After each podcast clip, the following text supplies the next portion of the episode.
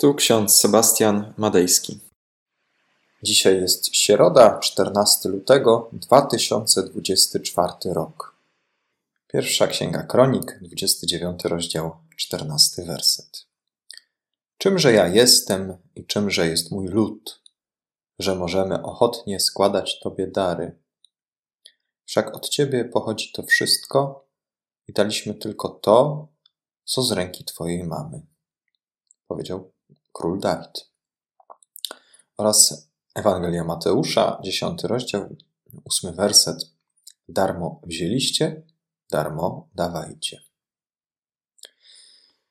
Drodzy, wielu z nas codziennie zadaje sobie pytanie, jakie jest znaczenie naszego życia i w jaki sposób możemy realizować nasze pasje, w jaki sposób możemy zarabiać pieniądze, jak przeznaczać nasze pieniądze, na co przeznaczać nasze pieniądze. Ale są też tacy, którzy zadają pytanie, jak możemy najlepiej służyć Bogu oraz naszym bliźnim. Fragmenty Pisma Świętego, które znajdujemy w książeczce z Biblią na co dzień, znowu prowadzą nas do refleksji nad wartością darów, jakie oferujemy Bogu, ale też jakie ofiarowujemy innym ludziom. Dzisiejsze fragmenty mówią jednym słowem o hojności. Przede wszystkim ten pierwszy fragment z pierwszej księgi kronik, w którym król Dawid, władca Izraela, zadaje pytanie Bogu: Czymże ja jestem i czymże jest mój lud, że możemy ochotnie składać Tobie dary? W tym pytaniu widzimy pokorę Dawida wobec Boga. Król zdaje sobie sprawę, że wszystko, co posiada, pochodzi od Boga, a jego dary są jedynie wyrazem wdzięczności i oddania wobec tego, który jest źródłem wszelkiego dobra. Jest to w zasadzie modlitwa podczas zbierania składki na budowę świątyni jerozolimskiej. Słowa Dawida są wyrazem głębokiej pokory i zawiera się w nich uznanie, że wszystko, co posiada człowiek, pochodzi od Boga. Dawid zdaje sobie sprawę, że darowanie Bogu ofiary nie jest niczym, co moglibyśmy zrobić z własnej mocy czy siły. Jest to jedynie drobny gest wdzięczności, który oddajemy Bogu, bo On nam to wszystko ofiarował. I w ten sposób na nowo zdajemy sobie sprawę z fundamentalnej zależności człowieka od Boga. Odkrywamy w tym wersecie potrzebę uznania Bożej roli jako źródła wszelkiego dobra. W tym kontekście, na przykład Marcin Luther pisząc o stworzeniu świata, e, powiedział takie słowa, że w zasadzie człowiek budząc się rano, spożywając pierwszy posiłek, ubierając e, się w odzień, w buty, szaty, już teraz może dziękować Bogu za to, co Bóg przed nim stwarza. Stwarza na nowo przecież nam życie, daje nam łaska za łaską ponieważ na tym polega ta teologia stworzenia według Lutra, że mamy od Boga wszystko za darmo i powinniśmy to docenić, na nowo uświadomić sobie wartość tego, co mamy, a zarazem skąd to posiadamy. W kontekście historii Izraela Bóg wielokrotnie wybawiał swój lud. Czytamy o tym, że darował im życie, dawał im wolność, prowiant, bezpieczeństwo w obliczu wrogów, Słowa Dawida stają się jeszcze bardziej znaczące. Świadomość tego, że wszystko, co posiadają, jest darem od Boga, prowadzi ich do tej służby opartej na hojności i oddaniu w służbie Bożej. Dawid nie tylko oddaje dary Bogu, ale również zachęca innych do uczynienia tego samego, co widać w kontekście budowy świątyni. Jego przykład pokazuje, jak hojność i pokora mogą prowadzić do dalszych działań diakonijnych wobec ludzi. Podsumowując, ten pierwszy fragment z pierwszej księgi Kronik ukazuje nam fundamentalną prawdę o zależności człowieka od wszechmogącego Boga.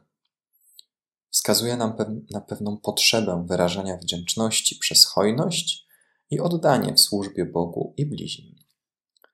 Drugi fragment to fragment Ewangelii Mateusza, w której jest bardzo ważne dawanie. Darmo wzięliście, darmo dawajcie. Jest to wezwanie Jezusa do bezinteresownego miłosierdzia i hojności wobec innych, bez oczekiwania niczego w zamian. Zastanówmy się, na ile w naszym życiu dajemy, na ile dajemy hojnie. Bóg przecież obdarza nas wszystkim, co potrzeba nam do życia. Obdarza nas pełnymi garściami, tak jak w tej przypowieści o siewcy. Obdarza nas hojnie. Pytanie, czy my też innym służymy, czy innym e, udzielamy z tego, co otrzymujemy od Boga, czy też zachowujemy wszystko dla siebie. Max Lucado, chrześcijański autor książek i kaznodzieja, e, w swojej wypowiedzi powiedział takie słowa: Często wyrzucałem sobie zachłanność, nigdy nie żałowałem szczodrości. I te słowa wskazują na drogę od odrzucenia chciwości do przyjęcia hojności jako wartości i pewną cechę chrześcijańskiego życia. Patrząc na te fragmenty razem, spójnie widzimy przesłanie o wartości w naszym życiu, takich rzeczy jak hojność, pokora, bezinteresowne oddawanie siebie innym poprzez służbę, poprzez to, co mamy, poprzez nasze, nasze środki finansowe, ale także poprzez nasz czas, który poświęcamy dla innych.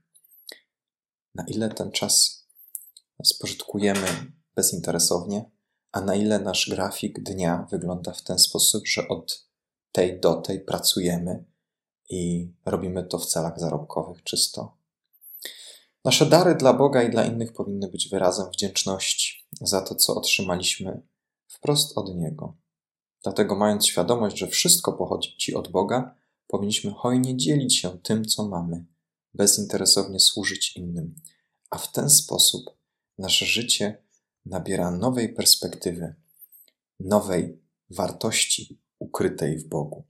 Wszak napisane jest: Nie gromadźcie sobie skarbów na ziemi, gdzie niszczeją, ale gromadźmy sobie skarb w niebie.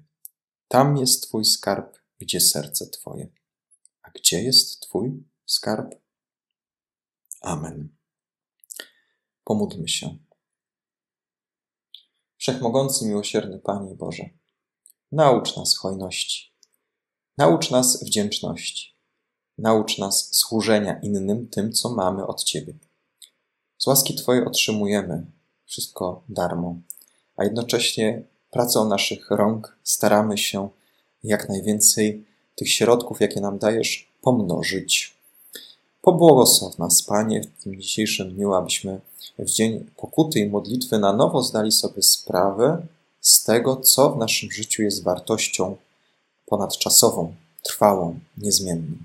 Daj nam, Panie, Ducha Świętego, który nas te, w ten czas pasyjny wprowadzi. Amen. A pokój Boży, który przewyższa wszelki rozum, tak niechaj strzeże serc naszych i myśli naszych w Panu naszym Jezusie Chrystusie, ku żywotowi wiecznemu. Amen.